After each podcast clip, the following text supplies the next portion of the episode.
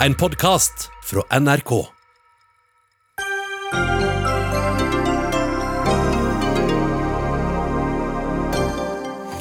Kompensasjonsordningen for koronarammede bedrifter er snart ikke mer, for til uken stanser regjeringen ordningen.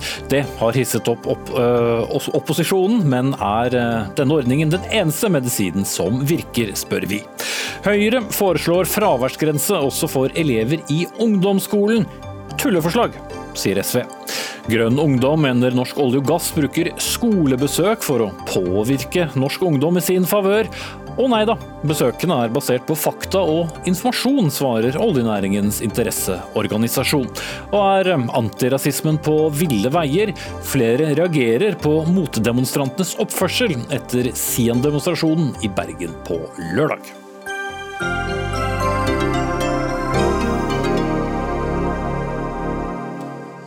Ja, Da sier vi god kveld og velkommen til Dagsnytt 18 denne onsdagen med Espen Aas.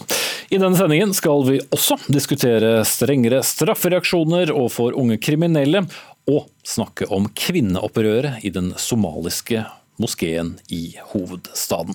Men det blir eh, koronastart på sendingen, for eh, kompensasjonsordningen for koronarammede bedrifter ja, den avsluttes førstkommende tirsdag 1.9. Til sammen 33 000 har eh, fått penger gjennom ordningen, men nå skal den også altså avvikles.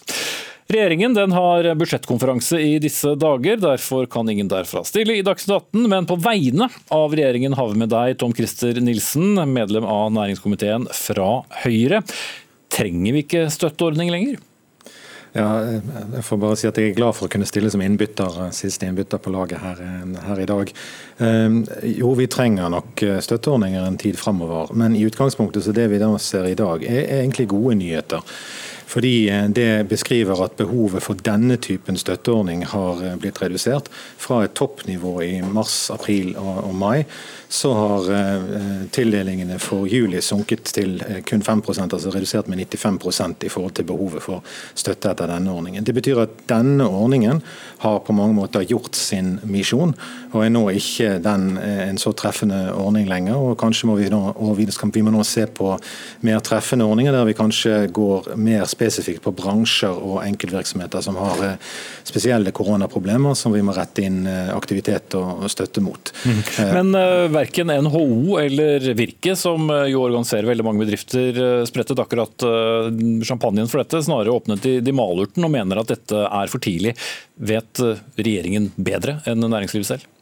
Ja, nå, nå, er det vel ikke, kanskje ikke så overraskende at de som representerer de som har mottatt store deler av denne støtten, syns det er leit at, at den forsvinner.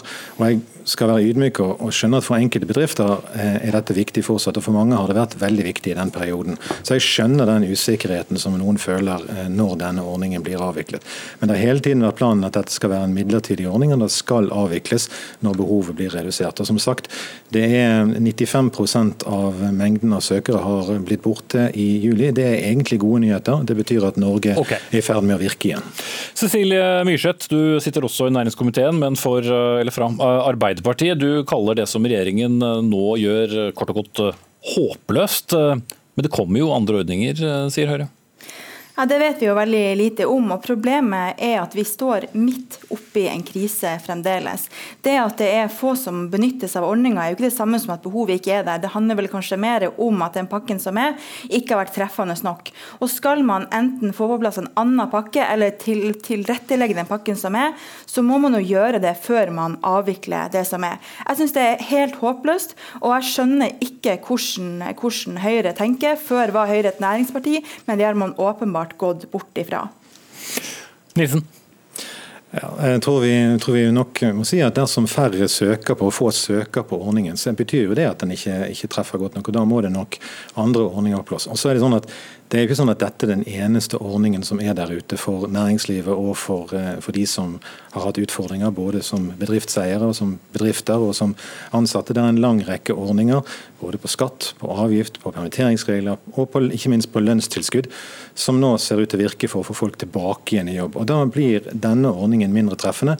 Og Da er det på tide å komme med nye ordninger. og, og eh, Finansministeren har varslet en ny krisepakke tidlig i høst, som skal rette seg inn mer mot eh, de bransjene som har spesielle behov. Samtidig så er det jo allerede gjennomført eh, vedtak i Stortinget og tiltak som er knyttet til, til tilbakeføringen til normaltilstand i bransjen. Mm. Ja, Myrseth, hvis vi da har en ordning som ikke treffer godt, er det ikke da bedre å skifte medisin?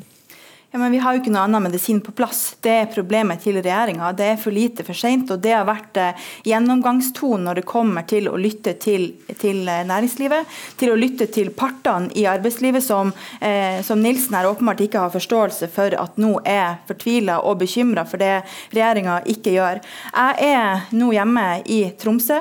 Eh, reiselivet er en eh, veldig viktig næring her i byen og i denne landsdelen. Eh, og det sysselsetter nærmere nærmere over 9000 mennesker bare i dette nordlige fylket.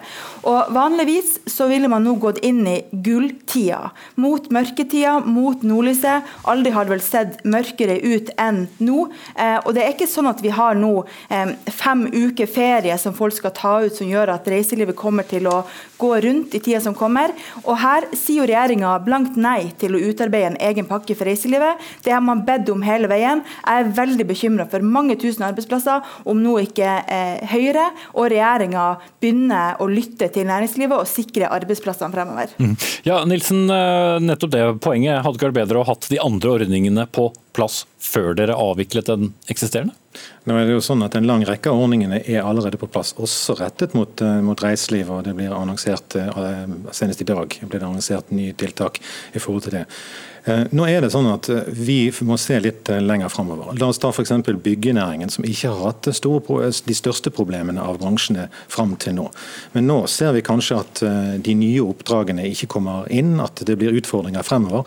Og Da er det på tide å ta en fot i bakken og se litt på de forskjellige næringene. Og, og eh, Finansministeren har altså varslet at tidlig denne høsten så vil det komme en ny pakke som vil rette seg mer spesifikt jo, det, mot enkeltbransjer. Det sa du, men, men når f.eks. reiselivsnæringen da, mm. eh, bl.a. i Dagens Næringsliv, da, sier at uh, dette, denne må ikke avvikles nå, sutrer de bare?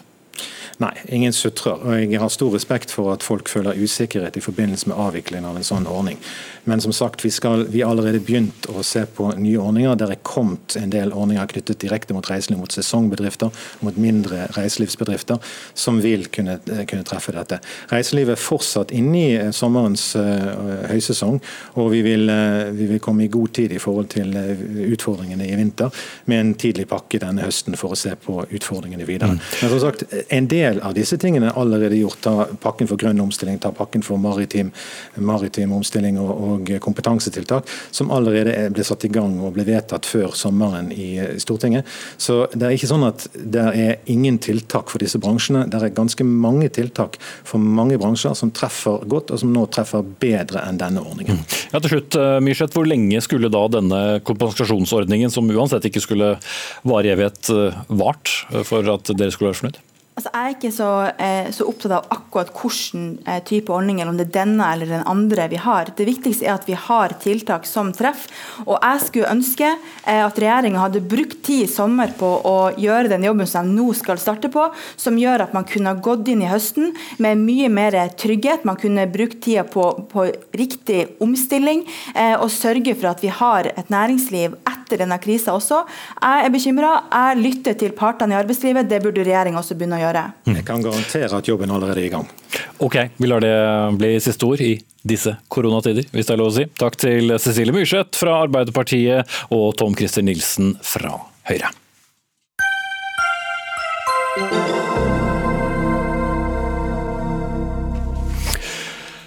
Ja, vi skal snakke mer om Høyre, vi. For Høyres programkomité foreslår innføring av fraværsgrense også i ungdomsskolen. Ordningen ble innført i videregående skole i 2016 mot eh, store protester fra elevene, men går altså ut på at hver elev ikke kan ha mer enn 10% udokumentert fravær i hvert fag.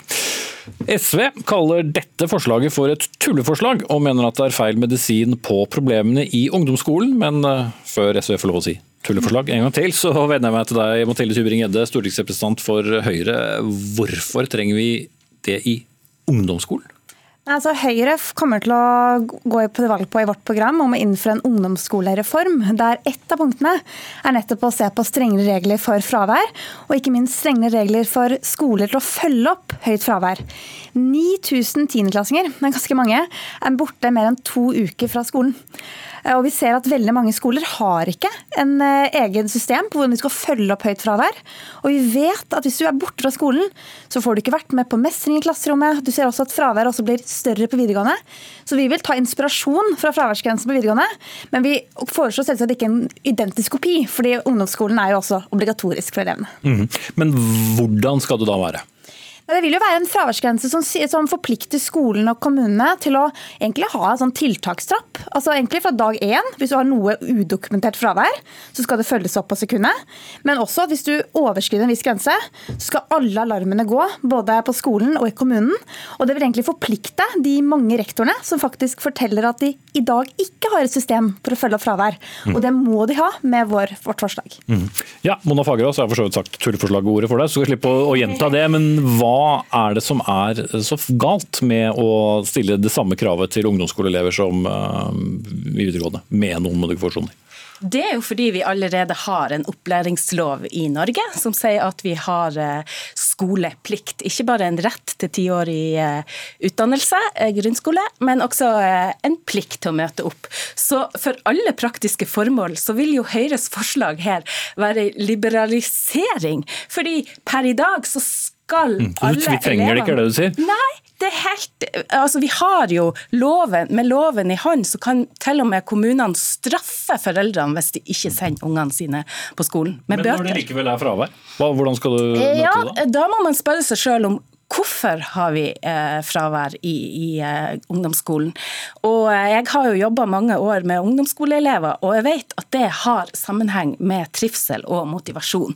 Så det er jo det vi må se på. Hvordan skal vi motivere elevene til å komme på skolen? For jeg er ikke et sekund i tvil om at motiverte elever som eh, ønsker å lære, og som lærer på mange forskjellige måter gjennom praktisk og variert undervisning, de vil komme på skolen. For unger, de ønsker å lære. Mm. Mm-hmm. Ja, altså For å lære å mestre på skolen, så må man også være på skolen. og det er klart at eh, ja, det er eh, plikt å være på ungdomsskolen. Det er også plikt til å dukke opp på videregående når du takker ja til skoleplass der. Allikevel så har det vært så høyt fravær. SVs argumentasjon brukte de også mot oss da vi ville innføre fraværsgrense på videregående. Det viser seg at det har hatt en stor suksess på å få ned fraværet.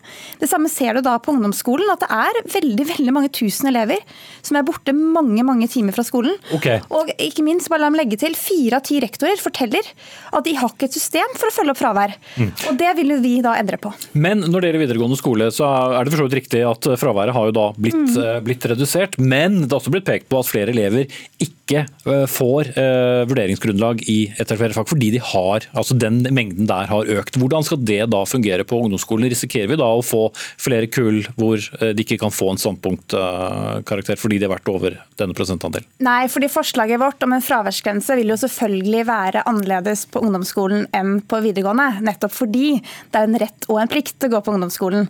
Eh, så Forslaget vårt er jo først og fremst at du egentlig ansvarliggjør skoler og kommuner i å si at de skal ha en tiltakstrapp.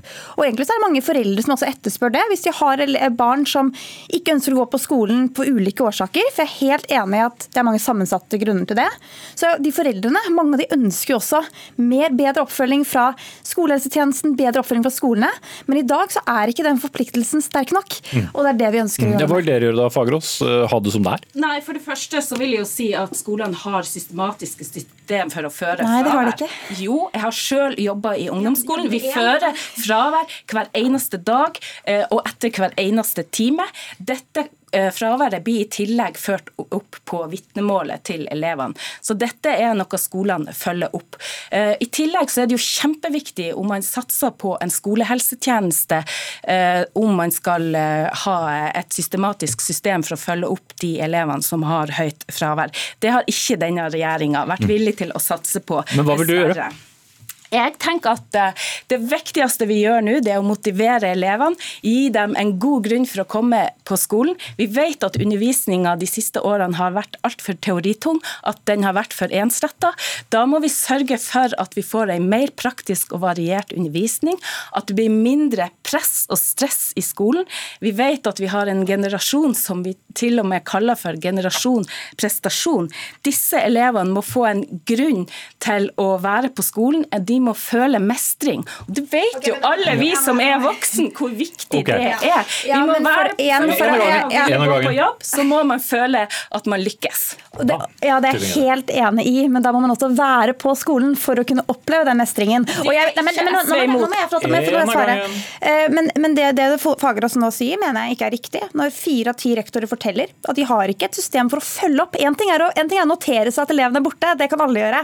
En annen ting er å ha god måte å følge opp. Koble på PP-tjenesten, koble på skolehelsetjenesten dersom det er elever som sliter. Og der opplever nok mange elever i dag at de blir egentlig ikke så sett. Altså, de kan være borte fra skolen noen timer, det blir ikke lagt merke til, det får ikke noen konsekvenser. Men hva skal, de, hva skal konsekvensen være? Hva skal de risikere hvis de har et høyt fravær? Nei, altså hvis du har, Det er jo veldig mange grunner til at man har fravær. Det kan være at man opplever mobbing på skolen, lav trivsel.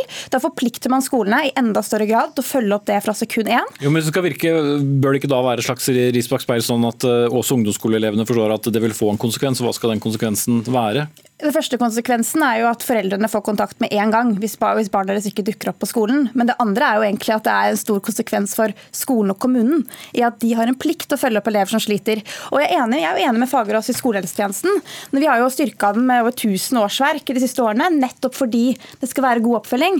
Men jeg må si at det å, det å stille krav til at elever skal dukke opp på skolen, og det å være opptatt av at de faktisk får høre det om de ikke, om de ikke er der, det har mye å si for at de føler seg sett, og at de føler at det faktisk er noen som bryr seg om det dukker opp. Da skal du få siste ord, Fagerås. Ja, Igjen så har Høyre et gammeldags svar på nåtidas utfordringer. De skal innføre mer eh, testing, de skal ha mer fraværsføring, flere anmerkninger. Og gud vet hva.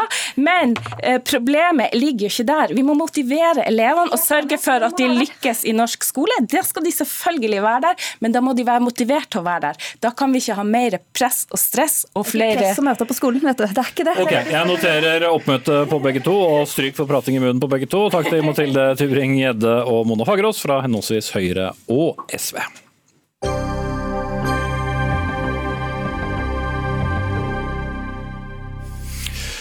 Da skal vi eh, vie vår oppmerksomhet til et eh, kvinneopprør som vi har kunnet lese om bl.a. i Aftenposten, som eh, har pågått i den somaliske moskeen i Oslo. Tavik Islami, Islamsk senter, en moské som vi også har diskutert her i Dagsnytt 18 tidligere.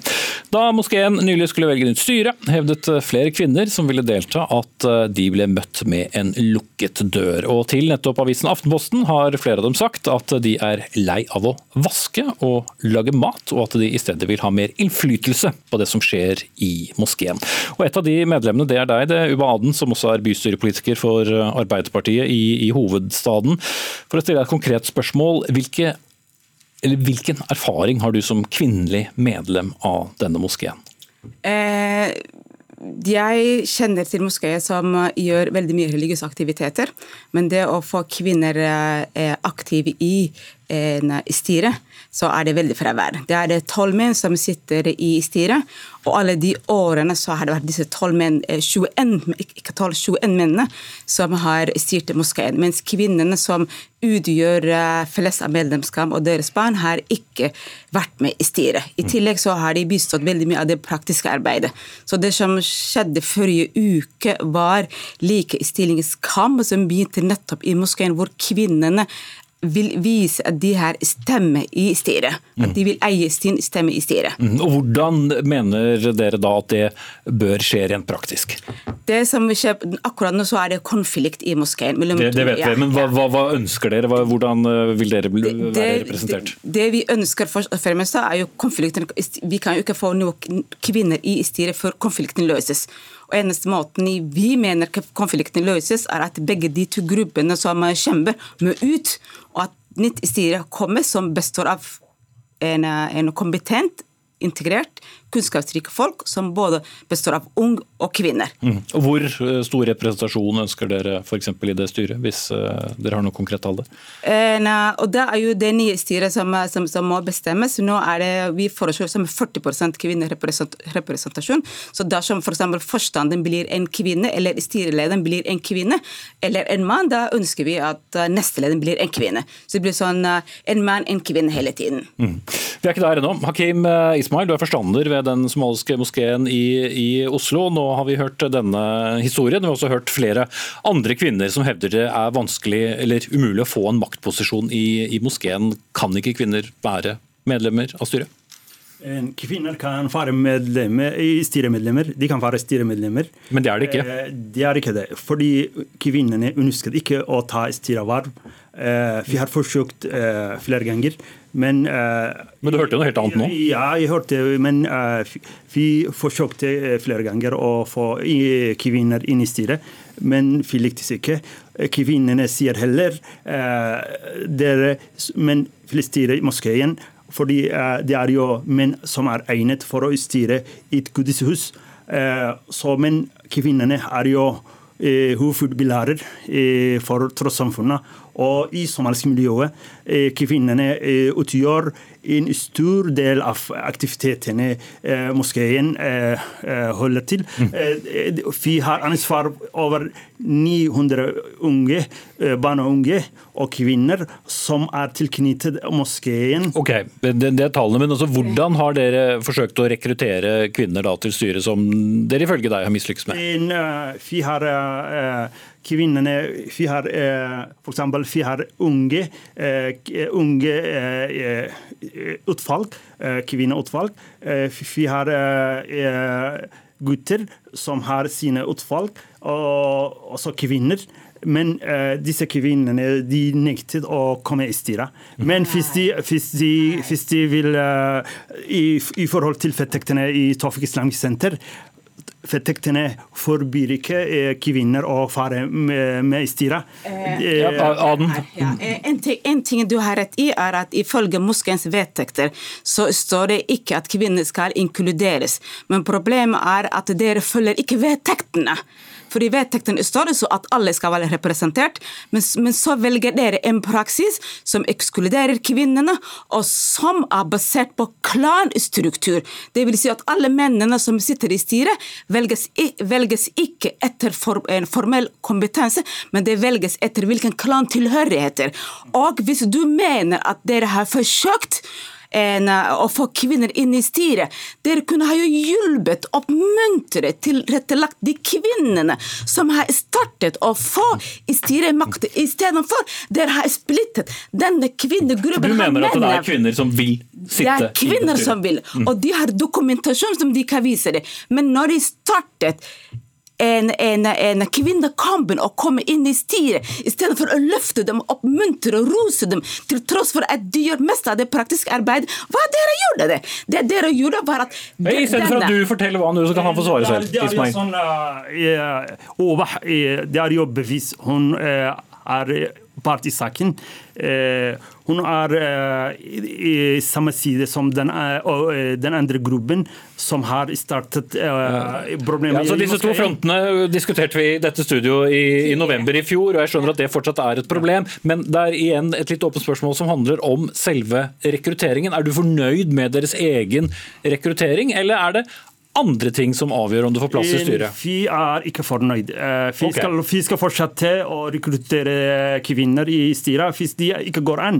Så vi skal forsøke at de tar noen stillinger i moskeen. Mm, men hvis det er så mange kvinner tilknyttet moskeen, så må du vel eh, klare å finne noen av dem? Eh, det er jo mange Mer enn halvparten av medlemmene er kvinner og barn. Så det er ikke manglende av ressurssterke kvinner. Men det er det holdninger dere som hindrer at kvinnene kan komme. Og det er nettopp derfor vi sitter i denne konflikten. At det er menn som ikke duker ansvaret de har, og som bruker hersketeknikker mot hverandre. Denne kvinnegruppen som du nevner, det er kvinner som dere er gift med, og som har samme mentalitet som dere.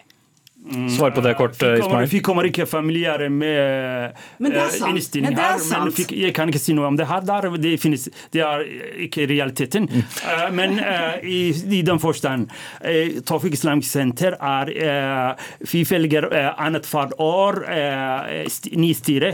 Og så disse styrene sitter ikke lenge enn to år. Mm. Eh, for eksempel uh, Abdurrahman som ung, han satt i styret, og han var uh, økonomiansvarlig i 2012. Og- og- ja, som- er- som sitter i studio. Ja, han sitter i studio, og Tawfiq er et åpent og inkluderende når det gjelder unge. Men vi snakker om Eh, kvinneperspektiv, ikke om styre. Når det, gjelder, når det gjelder alle unge, unge, unge og kvinner eh, Vi mangler kvinner i styret, men eh, Ok, men da, da slår jeg fast at dere mangler, men det er åpenbart et problem med, med rekrutteringen her, hvor dere har litt hver deres uh, historiefortelling. Men du er jo da blitt eh, annonsert allerede, ikke programleder. Abdirahman Dir, du er styreleder i Islamsk råd Norge. Hvordan har dere forholdt dere til denne konflikten nå, som er blitt en konflikt som hele landet uh, er kjent med? La meg aller først understreke at det er både flaut og skuffende, det som etter hvert kommer fram. Eh, Og vi skulle gjerne sett at partene fant løsning eh, på problemet, slik at eh, For problemet Den tegner ikke et veldig uh, godt bilde av, uh, av kvinnerepresentasjonen i, Nei, uh, nei, det gjør i- ikke i det. Og, og jeg syns heller ikke det er akkurat den konflikten er noe representativ for muslimer og moskeer i, i Norge. La meg bare Så den er det. isolert til, til denne moskeen? Jeg vil, jeg vil ikke gå inn i detaljer på det, men, men jeg vil si at, eh, at for meg som leder i Islamsk råd, så er det for oss skuffende å se at den konflikten har gått så langt, og at den fremdeles den dag i dag ikke er blitt løst. Mm. Kunne dere vært mer aktive? Det kunne vi selvsagt, og vi tilbyr oss også per i dag. Eh, Jeg snakket med forstander også utenfor studio, og vi er mer enn villige til å bistå dem i å løse dette problemet som organisasjon.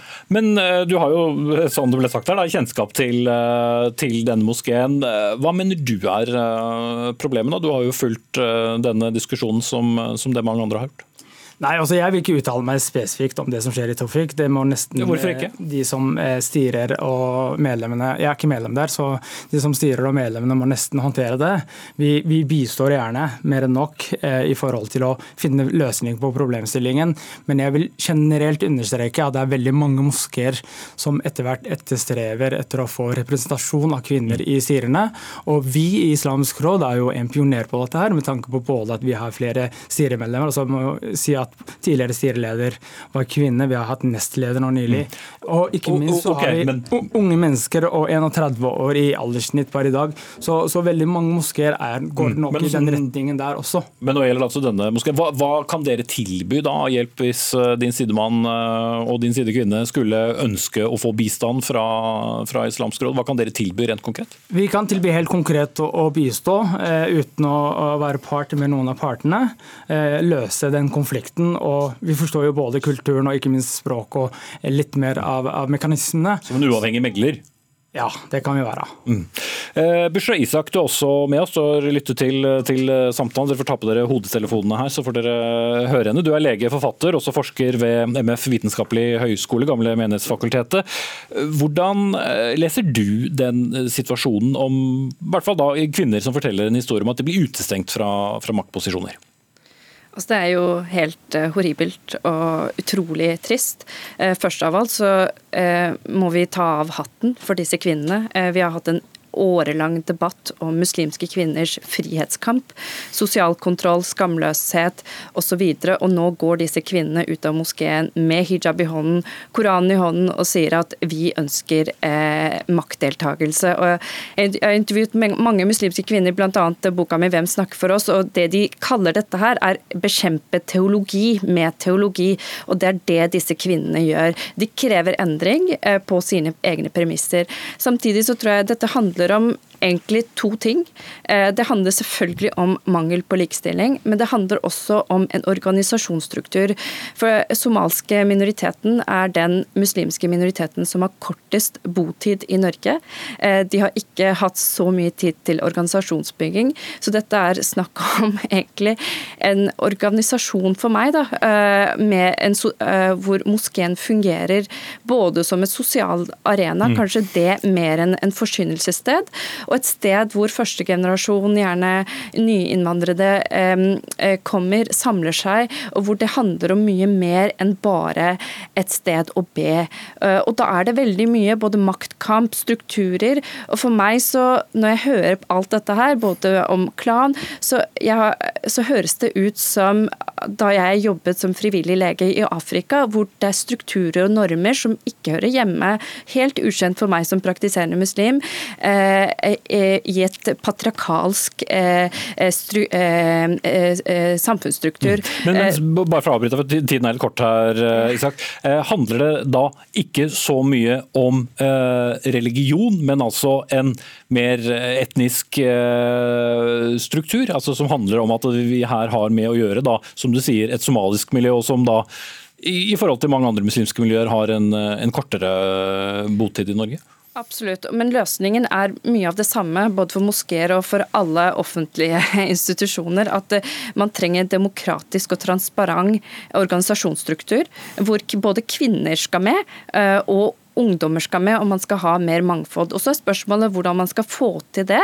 Eh, vi har jo offentlighet snakket om 40 kvinneandel skal, skal eh, kreves av alle som får offentlig støtte. Men samtidig så er jo dette en eh, endringskamp som foregår nå på disse kvinnenes premisser. Og så er spørsmålet hvordan vi som storsamfunnet kan fasilitere. fordi... Mm. Ja, men Hvordan kan vi som fasilitere? For jeg tror Det virker som denne situasjonen er veldig fastlåst, og noen, noen trenger hjelp. Og, og hvordan skal denne hjelpen i så fall komme inn?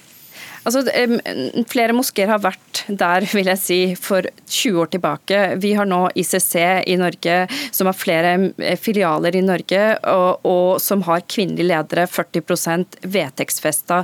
Jeg tror eh, man må gå sammen, og kanskje kan paraplyorganisasjonen Islamsk råd bidra til en strategiplan hvor man fasiliterer til mm. eh, ordentlig struktur for likestilling. Mm, det nikkes i studio. Jeg bare kort få en kommentar eh, både fra Aden og Ismail, men det må love å være korte. En, en, ting som, er, som, som, det hun sa, en, det er noe med strukturproblemer, og ikke det har noe med religion å gjøre. det. Og den struktur, Moskeens struktur, eller styrets struktur, det er det som hemmer å få kvinnen inn i. Og Uten å det å fjerne den, så er det nesten umulig å få det, det til. Mm. Og Hjelpen er at allerede Oslos byråd Remen Johansen har jo sagt at han vil invitere begge gruppene til dialog for å høre løsningene. Men mm. løsningen ligger også at begge de to gruppene skal vekk fra mm, ja, det, det, har du sagt, så derfor så bryter jeg da. Eh, Ismail, du, uh, har du tro på at dere kan løse det? Vi har allerede forsøkt å løse det, og vi skal løse det. Det gikk vel ikke så veldig bra, da? Vi skal løse det, men uh, saken er jo Tofik Islamic Center er jo en organisasjon som har uh, sine vedtekter og sine årsmøter som de følger i styret. de er jo ikke en ikke plass for klan og sånt. Mm. Men vil du ta imot hjelp f.eks. fra Islamsk folk, som, eh, folk som eh, blir falt, kommer i styret. Hvis du ikke blir falt, du kan, du kan ikke komme i styret uten å bli falt. Nei, det, så, men det sier seg selv. Vi, vi, skal forsøke å rekruttere kvinner, eh, men i den forstand. Det er ikke det. For eh, vi er en organisasjon som har sine fettekter. Mm. Men vil du ta imot hjelp fra Islamsk råd som tilbyr det? Vi har allerede i, mange forsøk til å megle mellom oss. Mm. Men det ser ut som de gjenstår. De lyktes ikke. Nei, men dere må nok prøve igjen. Jeg må bryte dere av. Men eh, takk for det jeg tror var en eh, forståelig diskusjon om eh, problemene i den moskeen. Takk til Ubaden, Abledems Dirje, Bushra Isak og Hakim Ismail.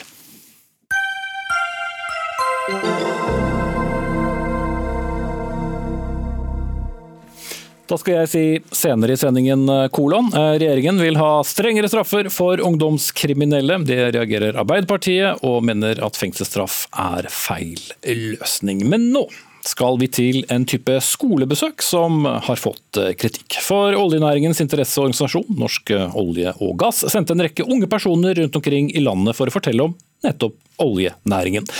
Målet skal ha vært eh, å få til en mer faktabasert oljedebatt, men dette initiativet har blitt møtt med kraftig kritikk. Grønn ungdom og Framtiden i våre hender er ikke nådige til næringslivsnettstedet E24, kaller de prosjektet som hadde navnet, eller har navnet, Den nye oljen, for bl.a. skremmende. Og Hulda Holtvedt, talsperson for Grønn ungdom, eh, er det ikke bra at vi skal ha en mer faktabasert oljedebatt? Jo, men det tror jeg ikke at oljelobbyisme i skolen bidrar til. Jeg tror veldig mange er enig med meg at vi ikke skal ha lobbyvirksomhet i skolen. Og jeg syns ikke at lobbyister fra oljebransjen skal få adgang til norske klasserom og få lov til å legge premissene for olje- og klimadebattene som skjer der. Og så er det sånn at Norsk olje og gass er en bransjeorganisasjon eh, med ett mål, og det er å øke oppslutningen om norsk oljevirksomhet, ikke å bidra til en mer nyansert debatt. Hvis man hadde ønsket å bidra til en mer nyansert debatt, så kunne man f.eks. også tatt med seg miljøbevegelsen inn.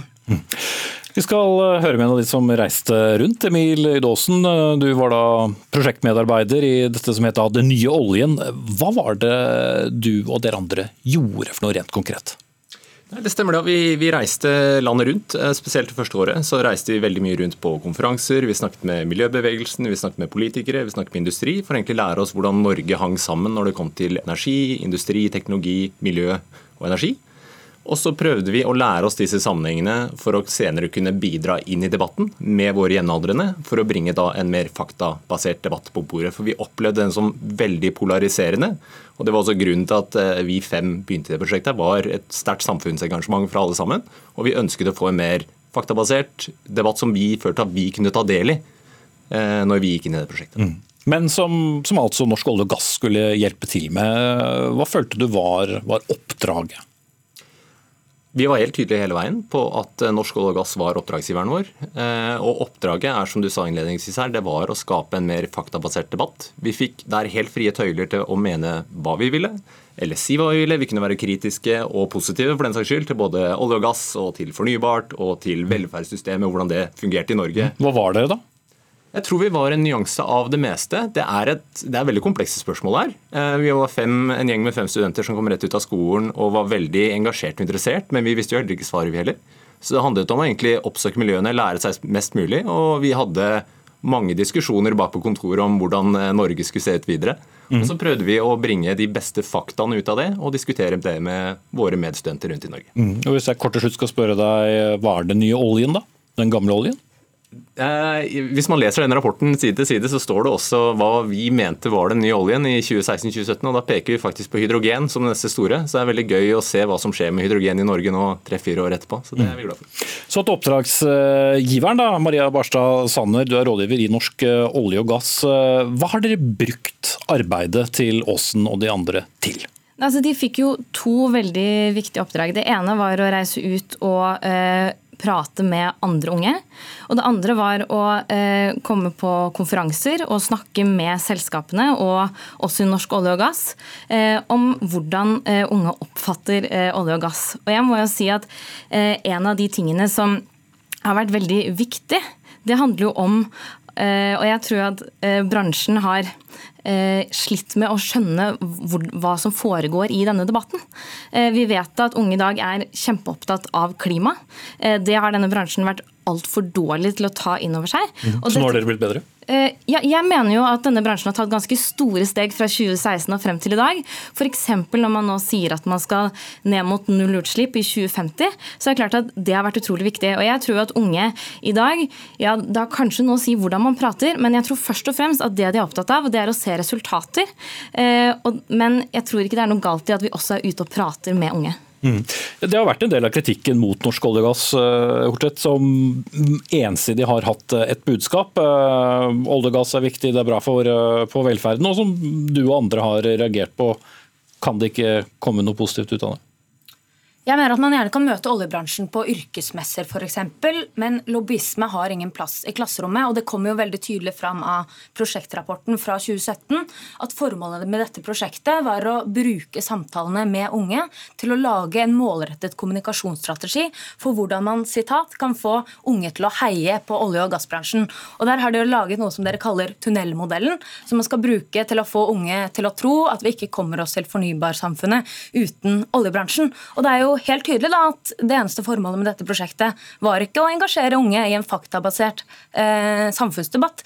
Dere fremstilte dere som en uavhengig eh, faktaleverandør når det dere gjorde var å bruke samtalene til å lage kommunikasjonsstrategi mot unge. Og den typen propaganda, skjult kanskje, jeg vet ikke, var de 7000 elevene dere snakket med, kjent med formålet. Skjult, skjult propaganda, Sanner? Dette må jeg få lov til å kommentere. fordi eh, I de møtene man har hatt med skolene, så kontakter man lærere. Man forteller hvem man er ansatt av. Eh, og man forteller også hva dette undervisningsopplegget eh, går ut på. Eh, tilbakemeldingene fra både lærere og elever har vært positive. Og jeg tror det er en grunn til at vi blir invitert tilbake også. Og det er fordi at man ser at dette har vært et konstruktivt, konstruktivt i klasserommet. Og så synes jeg at noe av det som Hulda tar opp som er veldig fint, det er jo noen av de aller mest vellykkede rundene vi har hatt. Det har jo vært når man, skolen har invitert Norsk olje og gass og den nye oljen, men også Natur og Ungdom sammen eller Fremtiden i våre hender. Da tror jeg du får en veldig mye mer nyansert debatt. Eh, og så er det jo ikke sånn at altså, Opplæringsloven i dag de åpner jo opp for at både politikere, organisasjoner, interesseorganisasjoner man kan bruke det i klasserommet. Og Hvis det er utgangspunktet, hvis det er lov, ja, så må også det være rom for norsk olje og gass. Og jeg er jo enig i at Hvis vi hadde gått inn og sagt at norsk olje var det beste i hele verden, at vi aldri skulle slutte med det, og her har du en button hvor det står 'heia olje', og alle som mener noe annet tar feil, så hadde det vært et problem. Mm. Men det er ikke det vi gjør. Mm. Nå er jo også Norsk olje og gass en kommersiell aktør. Dere er en kontroversiell næring som er avhengig av folkelig oppslutning for å overleve i årene som kommer. og Da er det selvfølgelig klart at dere eh, tjener mye på å legge inn aksjer hos de unge. og Det er derfor også det er veldig viktig at skolene og universitetene er vanntett mot den type næringsinteresser. fordi det er veldig viktig. Det tror jeg også dere er enig i. At undervisningen i norsk skole er uavhengig av at elever og foreldre kan være trygge på det. Mm. Var du en propagandist, Aasen? Overhodet ikke. Vi hadde aldri noe mandat og heller aldri noen bestilling om å lage noen kommunikasjonsstrategi. Og Den rapporten som kom ut på slutten, var heller aldri noe vi visste kommer til å komme ut når vi startet prosjektet. Mm. Men Var dere veldig kritiske til oljebransjen? Ja, det var vi. Eh, også når vi gikk tilbake og la fram den rapporten i etterkant, så har vi sagt det hele veien at eh, det er Dersom man vil snakke med unge i dag, så må man akseptere en stor ting, og det er at klima er det viktigste for unge. Punktum.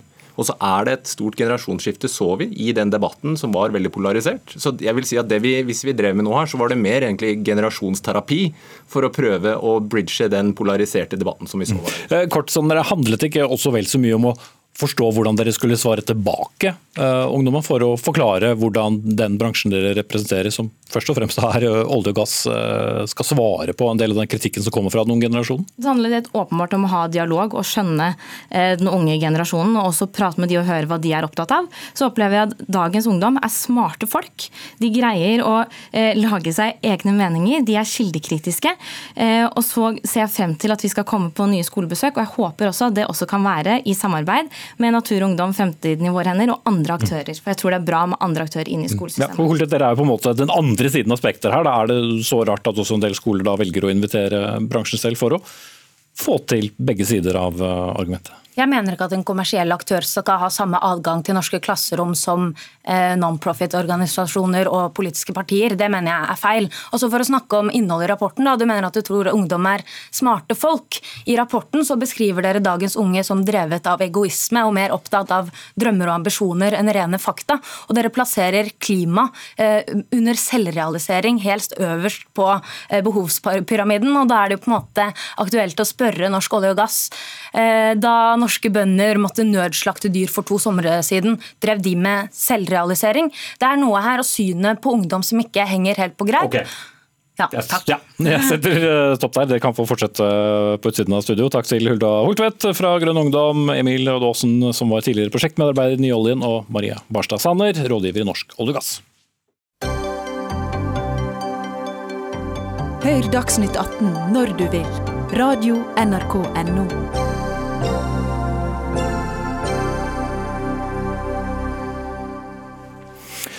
Så skal vi tilbake til debatten som har gått siden helgen rundt demonstrasjonene mot den islamfiendtlige organisasjonen Sian i Bergen. Som vi vet så endte det med både slagsmål og tåregass. Politiet har fått kritikk fra flere hold, men mange har også reagert på motdemonstrantenes voldelige oppførsel etter at Sian-lederen ble angrepet. Uten denne volden og dumskapen fra antirasistene, så ville ikke så mange brydd seg om Sian. Ja, det skriver du i en kronikk på NRK Ytring i dag, Rolf Utgård. Nå rådgiver, men mange kjenner deg jo som tidligere konserntillitsvalgt i Kverner, og en aktiv antirasistisk stemme på 80- og 90-tallet, og har selv demonstrert en rekke ganger. Men hva er det du mener ble gjort feil? Jeg tror Først og fremst så dreier det seg jo om å få en veldig bred markering mot uh, rasisme og fremmedhat som blir uh, lansert av Sian, sånn som jeg oppfatter det. Og det er klart, skal man få en bred markering, stor oppslutning, så nytter det ikke å ha aksjoner med vold og hærverk og angrep på politiet, sånn som man hadde i Trondheim for, eksempel, for noen uker siden, og nå i Bergen. Eh, skal man få en, en framgangsrik eh, antirasistisk kamp, så må man samle bredt og stort, sånn som man gjorde mot eh, folkebevegelsen mot innvandring, som var på høyden på 90-tallet. Da, da samla man 10 000 folk og snudde ryggen til og bua når Arne Myrdal, som leda da FMI, stiltes opp for å snakke. Mm. og det er en måte man kan gjøre på. Ja, men vi husker det, det gikk noen egg og, og, litt eh, den gangen også, så det var vel ikke alltid like rolig? Det var eh, mange til dels uh, voldelige utlag i den kampen der også. og Arne Myrdal sjøl stilte jo opp med kjepper for å slåss. Uh, og Det som er mitt poeng her, er at det alltid har vært ekstreme høyre som har forsøkt å mobilisere politisk på vold, eh, og ikke venstresida. Så mm. venstresida her må være disiplinert og det, eh, få fram budskapet, og ikke, budskapet er ikke vold og overgrep og forskjellige slag. Ok. Fausia Hussein Wiik, du er leder av LO i Bergen, var selv på demonstrasjonen på, på, lørdag. og en av de som da Vi ønsket å arrangere en motdemonstrasjon, men fikk eh, avslag. Eh, hva tenker du det Utgård sier og skriver om at eh, antirasismen nå er på, på ville veier? Ja, Der mistet vi like så godt uh, signalet til henne, men vi har en stemme til med fra Bergen, nemlig deg, Morten Myksvold, kommentator i, Bergens uh, Tidende. Du har også skrevet om denne demonstrasjonen og, volden, og har gitt, i motsetning til Utgård, eller ikke motsetning til, men peker særlig finger mot, mot høyresiden, og mener at den må ta en del av ansvaret. Da lurer jeg både på hva du mener med høyresiden, og, og hva slags ansvar? Nei, først Med høyresida mener jeg jo de partiene på Stortinget som, som tilhører høyresida, bl.a. Paradiset sitter regjering og Frp på utsida. Uh, Utgård skriver i sin uh, ytring at uh, han syns at venstresida må ta et særlig ansvar fordi at de er så dominant i den antirasistiske bevegelsen.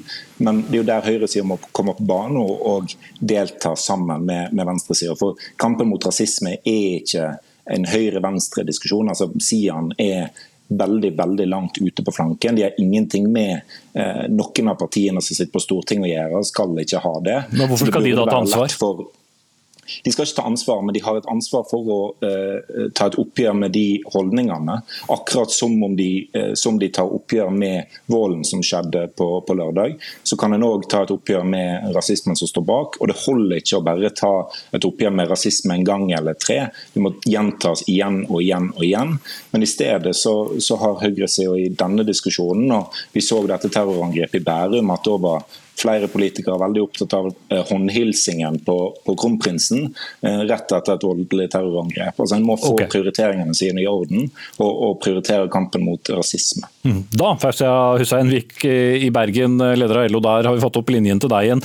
Hva, hva tenker du om det som Utgård har skrevet og sagt, da, som at antirasismen nå er litt på, på, på ville veier, når det som blir stående igjen, er vold? Ja. Eh, først og fremst vil jeg si som LO i Bergen Omland at vi tar avstand fra all form av eh, vold. Eh, som bl.a. ble fremført nå av noen enkeltpersoner som ikke tilhørte en organisasjon i Bergen. Mm. Men vi har jo sett over flere demonstrasjoner at det er det som har blitt det som blir mediedekningen, er, er vold på begge sider. Eller, og særlig fra sinte motdemonstranter. Eh, det kan være, men eh, jeg har lyst til å kommentere litt på Rolf sin eh, kronikk. Vær så god. Fordi at vi, blir, altså vi på venstresiden og fagbevegelsen blir fremstilt sånn at Det var ingen ansvar, og hvor var vaktene våre, og vi hadde ikke noe kontroll. Men vi fikk jo ikke tillatelse til å ha en motdemonstrasjon. For planen var jo det nettopp å gjøre sånn at vi skulle ha organisert markering i Bergen den dagen, der vi kunne bistå med alt dette her. Eh, vi mener at eh, vi mener, LO Bergen Omland mener og aksepterer ikke normalisering av eh, hatprat og rasisme i samfunnet. Nettopp derfor ville vi ha en motdemonstrasjon som skulle på lovlig vis søkes og stille opp da. Mm. Altså, jeg er jo ikke uenig i noe av det som ble sagt her av de to andre. Tvert imot. Jeg syns dette er helt på linje med det jeg mener. Vi må bare sørge for at de markeringene vi gjør mot eh, rasister og mot eh, denne type eh, bevegelser som Siam, det må skje på en måte som gjør at vi klarer å bevare en bred front mot dette, mot dette her. Og gjerne høyrepartier. Jeg syns ikke dette skal være noe for, som er da forbeholdt venstrepartiene. Tvert imot. Dette må være en bred samla front mot disse her ytterlighetene som Sian og en del andre står for. Derfor så tror jeg at det er viktig, selv om man da får nei fra politiet, så må man sørge for at disse demonstrasjonene som er, at de blir på en måte som man kan være stolt av etterpå, og som ikke ender opp på en sånn måte at Sian kan innkassere gevinst og sympati. Mm. Det er poenget mitt. Ja. Eh, er det noen vei rundt dette, Hussainvik? Ja, jeg mener at, eh, at, vi burde fått tillatelse til å ha en eh, lovlig motdemonstrasjon der vi kunne være med mm. og gjerne samarbeide med politiet og kommunen og kunne være med og organisere dette på en bedre måte. Mm. Eh, ja. ja. Tiden løper her. Morten Myksvold, er du enig i det ansvaret som ligger, som Utgård beskriver, om et stort ansvar mot, mot demonstranter? Ansvaret ligger jo først og fremst på den enkelte motdemonstrant, at han ikke skal, skal ty til vold. Jeg syns ikke LO i Bergen Omland eh, skal få skylda for at, at, demonstrasjonen eh, skled ut og ble, ble voldelig. fordi det var, det var ikke en del av noe organisert demonstrasjon fra deres side. De fikk ikke lov eh, å, å, organisere seg selv med, med vakter. Eh, og jeg synes heller ikke at, at, volden skal være et argument mot å ha motdemonstrasjoner mot Sian senere. Fordi det er viktig å stå opp mot det budskapet Sian kommer mot. Og så er det viktig å, å, slå ned på den volden som skjer, og, og prøve å hindre at det skjer igjen. Da håper jeg at politiet gir litt andre vurderinger eh, ved en eh, senere demonstrasjon. Blant annet. Takk skal du ha, Morten Miksvold, kommentator i Bergenstidene, Fausia Hussein-Vik, leder av LO i Bergen, og Rolf Utgård, eh, rådgiver og, og tidligere selv demonstrant.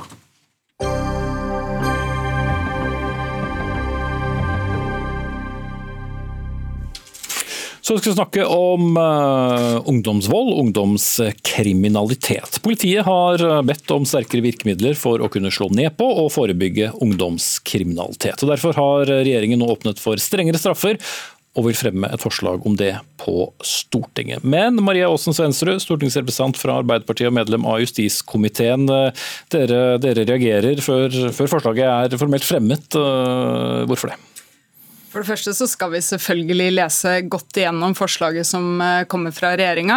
Eh, men det er, det er, et par ting å sette fingeren på. Det ene kan se ut til at eh, Høyre rett og slett glemmer å spørre seg selv hvorfor har ungdomskriminaliteten økt. Arbeiderpartiet mener at det er en del gode grunner til det, bl.a. en kraftig underfinansiering av politiet over år, som slett ikke har styrket nærpolitiet, og en underfinansiering av kommunene, som gjør at man ikke kan drive det gode forebyggende arbeidet som bør gjøres. Og så er det jo til å bli litt skeptisk av, for sist eh, høyreregjeringa ønsket å gjøre noe med ungdomskriminaliteten, så blei det fengsling av barn i høysikkerhets, eh, høysikkerhetsfengsler for voksne mannfolk. Det var ikke en løsning Arbeiderpartiet bifalt. og Hvis det er den linja regjeringa legger seg på en gang til, da, da kommer vi nok til å reagere ganske kraftig. Ja, Petter Frølich, stortingsrepresentant fra Høyre da, og justispolitisk eh, talsperson. Eh, du har vært med på å utarbeide regjeringens eh, lovforslag som da er til høring. Hva er de riktige virkemidlene mot kriminell ungdom? Vi må nok eh, skru skruen litt til, rett og slett for å håndtere den veldig alvorlige situasjonen som eh, vi etter hvert ser, med stadig mer eh, ungdomskriminelle.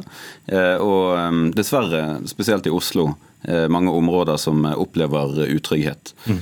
Jeg får litt, litt sånn déjà vu her, fordi jeg har sittet med deg i ditt studio her flere ganger hvor du har snakket om akkurat det samme. Nå kommer det da som et uh, lovforslag. Mm. Og Det betyr at etter å ha debattert det så mange, så faller det ned på hardere i klypa er løsningen?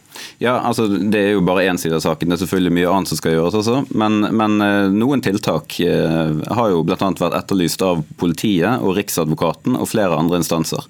Vi er nødt til å så eh, f.eks. få raskere straff etter dom. Eh, sånn at de kjenner på konsekvensene av å bryte normer og regler. Eh, vi eh, skal foreslå elektronisk kontroll, sånn at vi hele tiden har oversikt over hvor de verste ungdomskriminelle til enhver tid befinner seg, sånn at politiet kan, kan føre en sterkere kontroll. Vi har også en del andre forslag som vi nå skal, skal fremme. Mm. Men jeg må jo gå litt i rette med denne, med denne linjen fra Arbeiderpartiet, for de går inn i en sånn, sånn automatisk kritikk av alt som er vondt og vanskelig, nærmest en faktasjekk. Eh, når de sier at politiet er strupet, så det er feil. De har fått en, en halv milliard mer bare i Oslo. Eh, de sier at kommunene er strupet, det er feil. De har fått 35 milliarder mer i hele landet. Eh, forebyggingen i Oslo er ikke strupet, den er styrket. De har fått 80 flere stillinger til å drive forebygging. Så jeg, bare, jeg mener at Vi må gjerne diskutere liksom, om ting kan gjøres bedre, og sånn, men denne vanlige politiske kranglingen om at liksom, alt er så vondt og gale, den syns jeg ikke er passende her. Mhm. Som vanlig pleier jeg å lure på om dere sitter på samme storting, siden dere har så forskjellig virkelighetsoppfatning, men uh, vi prøver. Åssen syns du? Uh, det, er, det, er, noe med at denne regjeringa har en tendens til å gi med den ene hånda og ta med den andre hånda. Så skal vi ikke gå uh, inn i en lang debatt om f.eks. avbyråkratiseringsreformen, som har gjort ganske kraftige kutt. Mange er opptatt av for å få bukt med, med denne volden, da. Ja, men på Ernas vakt så er det også på tide at Høyre tar ansvar for at kriminaliteten blant ungdom har økt. Så er det alltid en sånn tough on crime-retorikk fra høyresida i norsk politikk. Arbeiderpartiet også, ønsker også å være strenge på kriminalitet, mot kriminalitet, men vi ønsker også å være strenge mot årsakene til kriminalitet. Eh, og EK, altså fotlenke som monitorering av ungdommer man er bekymret for, dette virker veldig merkelig. Jeg har litt problemer med å forstå hvor det er Høyre ønsker her. Og For Arbeiderpartiet så har vi foreslått at trenger vi flere plasser for ungdommer i fengsel, ja da kan vi utvide ungdomsenhetene. Vi kan lage overgang fra eh, barn i fengsel til voksne i fengsel. Vi kan styrke det tilbudet. Men for Arbeiderpartiet så er det sånn at hoved hovedregelen er at barn skal ikke i fengsel. Skal barn være i fengsel, så skal de ha et helt spesielt tilrettelagt opplegg i ungdomsenhetene, som Arbeiderpartiet starta opp i vår tid. Ja, men dette her, det er litt hakk i platen. for Ingen er uenig i det du sier om at eh, barn som hovedregel ikke skal i fengsel osv. Men det Arbeiderpartiet må ta inn over seg etter hvert, er at det er noen få men veldig alvorlige tilfeller av gjengangskriminelle blant unge. Det blir stadig verre. Og Det er ikke alle disse eh, myke tiltakene som hjelper på de. Da må vi ha andre tiltak i eh, verktøyskassen. Det kan innebære fengsel, det kan innebære en sterkere oppfølging og kontroll fra myndighetenes side.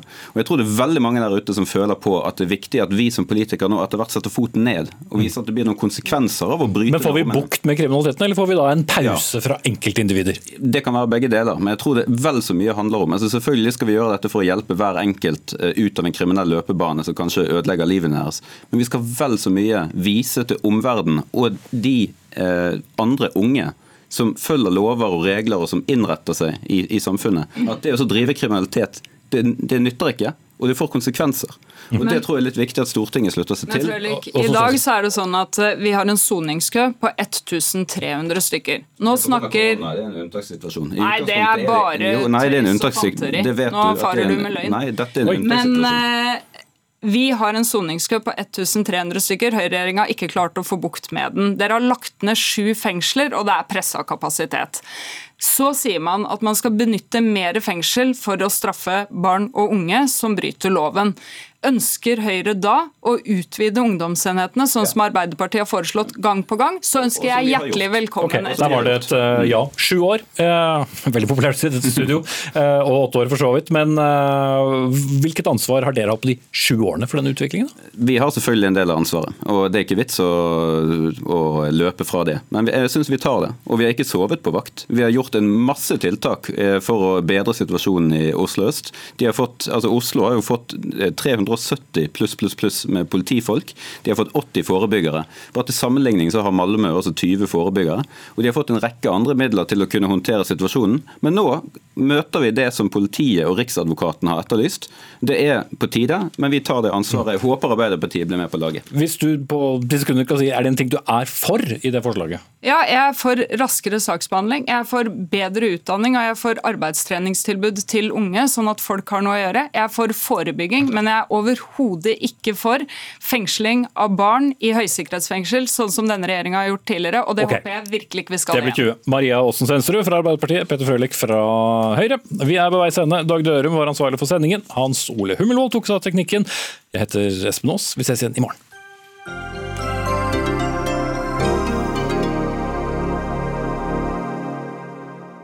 Du har hørt en podkast fra NRK. Hør flere podkaster og din favorittkanal i appen NRK Radio.